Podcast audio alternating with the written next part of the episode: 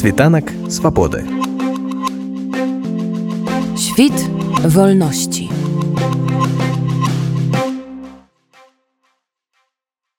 Падарю раз вы літаральна апошнія два дні бралі ўдзел у паседжаннях пэўных там камітэтаў і органаў парламенцкай асамблеі рады Еўропы ці можаце вы больш падрабязна расправесці пра гэтыя мерапрыемствы у працы якіх вы бралі ўдзел пра што там ішла гаворка якія тэмы закраналіся цягам двух дзён я браў удзел у паседжаннях камітэтаў э, палітычнага і па пытаннях мігрантаў і перамешчаных асобаў.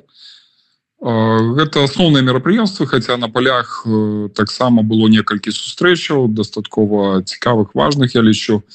Але э, тэма палітычнага камітэта была ўсё паседжанне, якое цягнулася гадзіну, оно было прысвечана Беларусі, той сітуацыі, якой зараз знаходіцца наша краіна, якія ёсць пагрозы, выклікі, якія плануюцца дзеянне дэмакратычных сілаў. Ну і таксама была размова про тое што сёння робіць рэжым і якім чынам можна ўплываць на змену сітуацыі в Беларусі адразу на пачатку сустрэчы было падкрэслена што афіцыйная беларуская дэлегацыя хаця Беларусь і ніколі не выходзіла у парламенскую асамблею рады Европы але яна могла нейкім чынам раней камунікаваць гэтым органам.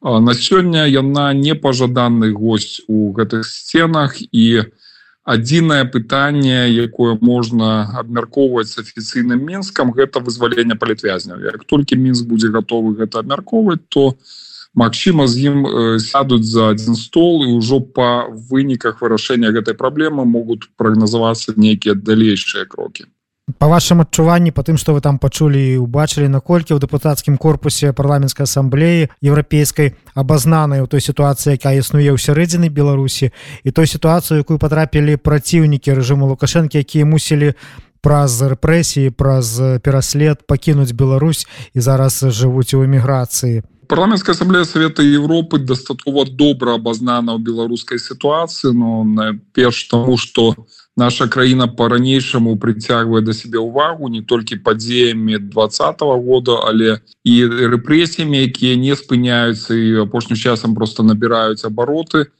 Але і таксама паводзінамі рэжыма лукашэнкі які ўвесь час дае выклікі цывілізаванаму свету. Гэта і саудзел у нападзе Росіі на Украіну это таксама апошнія заявы про магчымае размяшчэнне ядерной зброі гэта все прымушае трымаць Беларусь у павесцы дня еўрапейскіх краінаў і натуральна что вельмі шчыльныя на сёння контакты з прадстаўнікамі беларускай апозіцыі незалежнага грамадства тут размова ідзе не толькі про офіс Светланы тихохановскай з якім добра знаёмыя у шчыльцы парламенской ассамблеі але і таксама про недзяржаўны сектор які атрымаў асобную магчымасць камунікаваць с советом Европы.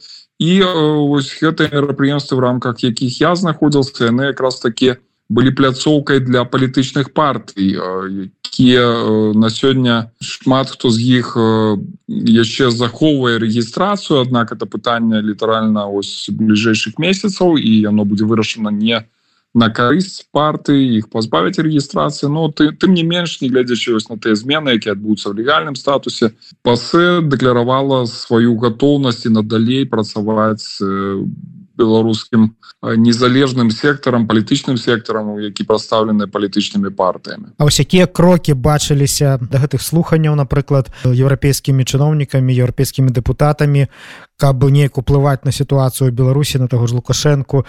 І ці змяніліся гэтыя падыходы вось пасля таго як яны сустрэліся з прадстаўнікамі беларускіх палітычных сіл? Насамрэч набор інструментаў непасрэдна у савета Европы не настолькі вялікі бо гэта хутчэй такі каардынацыйны орган парламентаў розных краінаў якія таксама і не ўваходзяць у еўрапейскі саюз. то і часам маюць дастаткова супярэчлівыя погляды што да сітуацыі у свеце і у тым ліку беларусі Таму тут можна казаць пра нейкія агульныя тэндэнцыі но гэтыя тэндэнцыі таксама на сёння відавочна гэта асуджэнне дзеянняў беларускага рэжыма у дачыненні да ўласных грамадзян правядзе ты рэпрэсіі якія адбываюцца весь час знаходіцца ў павесцы дня. А таксама вялікая увага да дзеянняў і саўдзелу у расійскай военной агрэсіі якая таксама асуджаецца краінамі у якія выходзяць у парламенскую ассамблею Савета Европы Савет Европы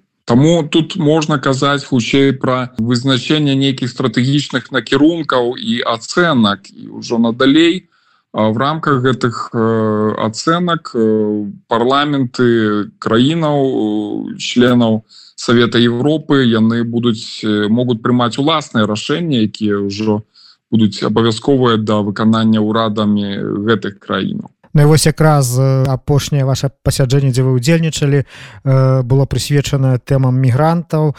І зразумела што зараз многія беларусы у тым ліковасці мы з вами з'яўляюцца мігрантамі ў розных краінах.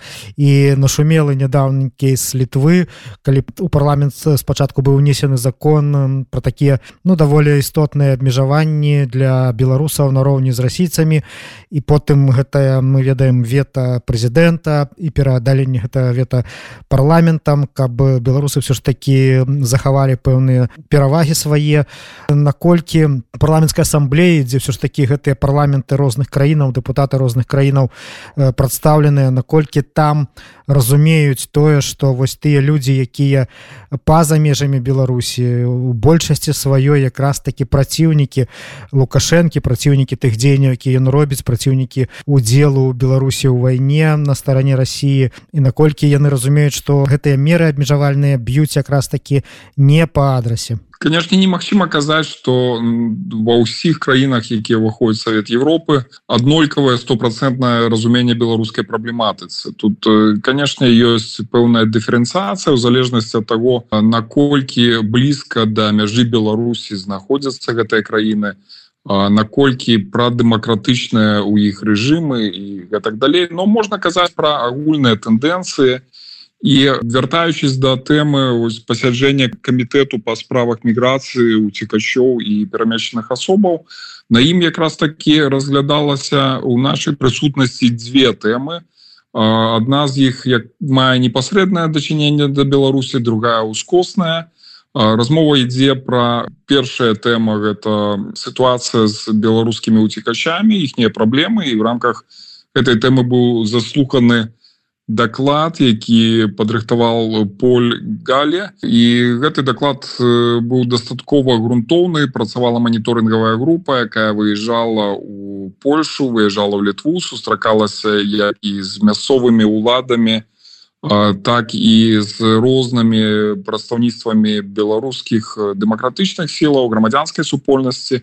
Таму інфармацыя сабрана дастаткова э, грунтоўная аб'ектыўная. І па выніках гэтага дакладу таксама можна казаць аб дастаткова сур'ёзным разуменні праблемаў беларускіх бежанцаў і канчаткова даклад не зацверджаны ён яшчэ будзе абмяркоўвацца чакаецца што ён можа быць прыняты 11 траўня і хіба што пэўныя дадаткі пэўныя праўкі туды могуць патрапіць і па выніках нашага удзелу бо мы звярнули увагу на на тыя аспекты якія не, не прагучалі у выступе дакладчыка ну, дэкляраваў жаданне іх таксама ўлічыць іншая тэма якая агучвалася на паседжанні камітэта это пытанне кенднепінгу фактычнага перамяшчэння непаўнагадовых грамадзян Украіны з акупаваных часова акупаваных тэрыторыяў на тэрыторыю Росіі у тым ліку і Беларусі і тут ось,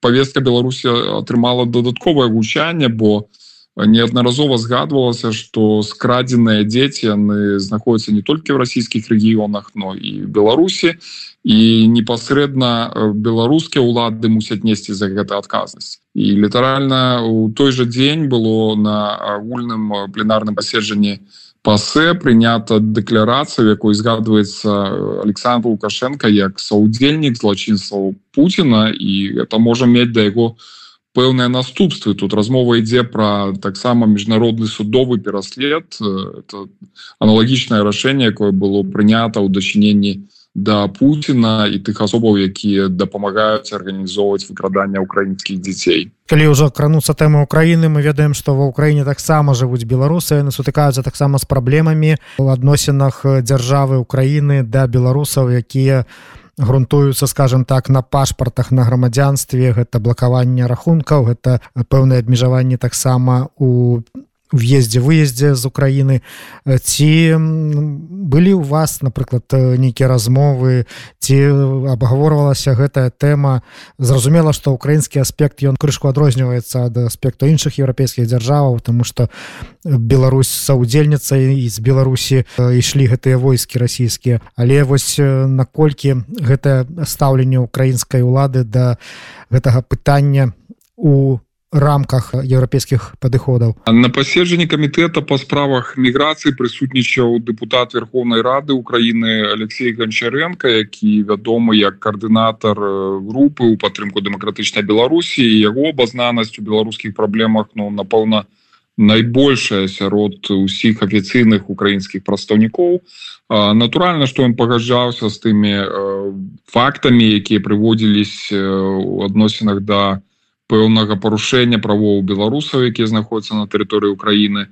І э, наколькі магчыма ва ўмовах военнага часу якраз такі з боку э, депутатаў сяброў Украіны ідзе праца каб э, былі пэўныя змены ўстаўлення да грамадзян Беларусі асабліва с улікам таго факта што значная частка наших грамадзян воюе у ва складзе ўзброеных сілаў Украіны супраць супольнага ворага. І у тыя хто не прымаюць удзел у военных дзеяннях але працягваюць знаходзіцца на тэрыторыі Украіны шмат у чым занятыя у волонцёрскіх справах. І таксама дапамагаюць суседняму народу у вызваленні і змаганні за сваю незалежнасць.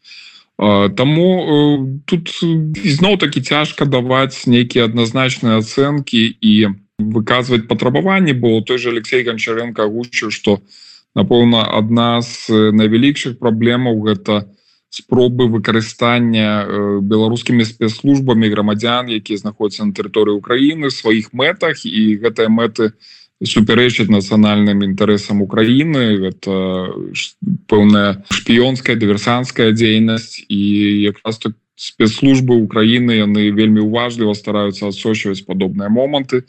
Таму ідзе барацьба інтарэсаў. І такога простага вырашэння гэтай праблемы не існуе. Я б дадаў яшчэ адное, што рыхтуючись да удзелу ў паседжанні камітэта па справах міграцыі уцекачоў, я стараўся сабраць нейкую аб'ектыўную інфармацыю з розных краінаў і ну, прынамсі не знайшоў такога комплекснага аналізу праблему беларускіх ціхачоў. Так ёсць асобныя публікацыі ёсць асобныя даследаванні по некаторых краінах але комплексава аналізу ацэнкі няма і гэта якраз таки выклік напэўна для дэмакратычных сілаў і мігрантскай супольнасці каб падрыхтаваць поўную карціну по абсалютна вялікай колькасці краінаў свету куды з'язджаюць беларусы. І с улікам того что эта карціна регулярна мяняецца бо мяняецца стаўленне мясцовых урадаў і прымаюцца новыя заканадаўчыя акты але там не менш там дало пэўны грунт для беларусаў у змаганні за якія свои базовыя правы правы тых асобаў якія былі вымушаны пакінуць краіну. Світанак свабоды. Світ вольнасці. у